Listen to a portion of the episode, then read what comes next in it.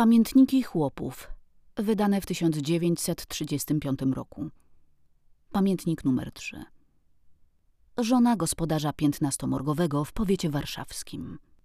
Niech więc pomiędzy tylu, jak się spodziewam, pamiętnikami chłopów, znajdzie się choć jeden pamiętnik chłopki.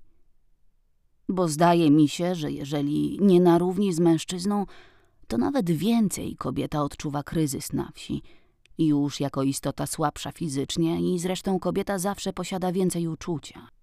I dlatego gorzej wszystko przenosi. Do tego dochodzi praca ponad siłę, zwłaszcza teraz, gdy na żadną pomoc nie można sobie pozwolić i wszystko w polu czy w domu samej trzeba zrobić. Nikt nigdy w mieście sobie nie wyobrazi, jak kobieta na wsi musi pracować. I to pracować najczęściej o głodzie i o chłodzie bo ileż razy tak jest, że ostatni kawałek chleba, ostatnią kwartę mleka rozdzieli pomiędzy męża i głodne dzieci, a jej samej najczęściej służą za posiłek gorzkie łzy. Gdzieś pokryją mu połykane. Powiadają niektórzy, że bezrobotnym gorzej jest, bo zawsze na wsi coś się prędzej znajdzie, a ja powiadam, że nigdy. Bezrobotnymi opiekuje się rząd – Opiekują się różne komitety. Bezrobotni korzystają z różnych ulg i świadczeń, z bezpłatnych opiek i porad lekarskich. Mogą iść nawet poproszonem i zawsze coś użebrzą. A chłopem, czy kiedy kto się opiekuje? Czy pomyśli kto, że często on już na nowy rok ostatnie pieczywo chleba upiecze i ostatnią parę kartofli do garnka włoży? A potem cóż mu pozostaje? Głód i nędza i znikąd opieki ni politowania. Żona bezrobotnego, choć może też czasem głodem przymiera, ale znów nie potrzebuje tak ciężko pracować.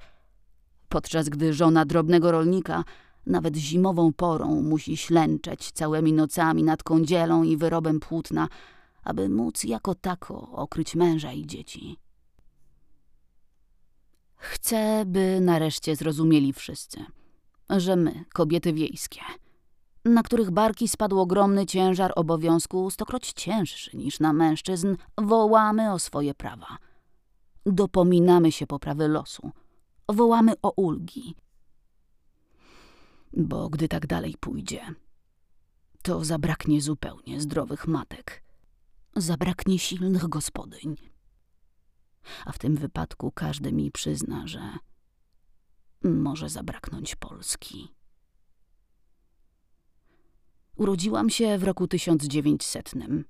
Rodzice moi byli dosyć zamożni gospodarze, posiadali włókę gruntu, tylko sporo zadłużonego na spłaty rodzinne.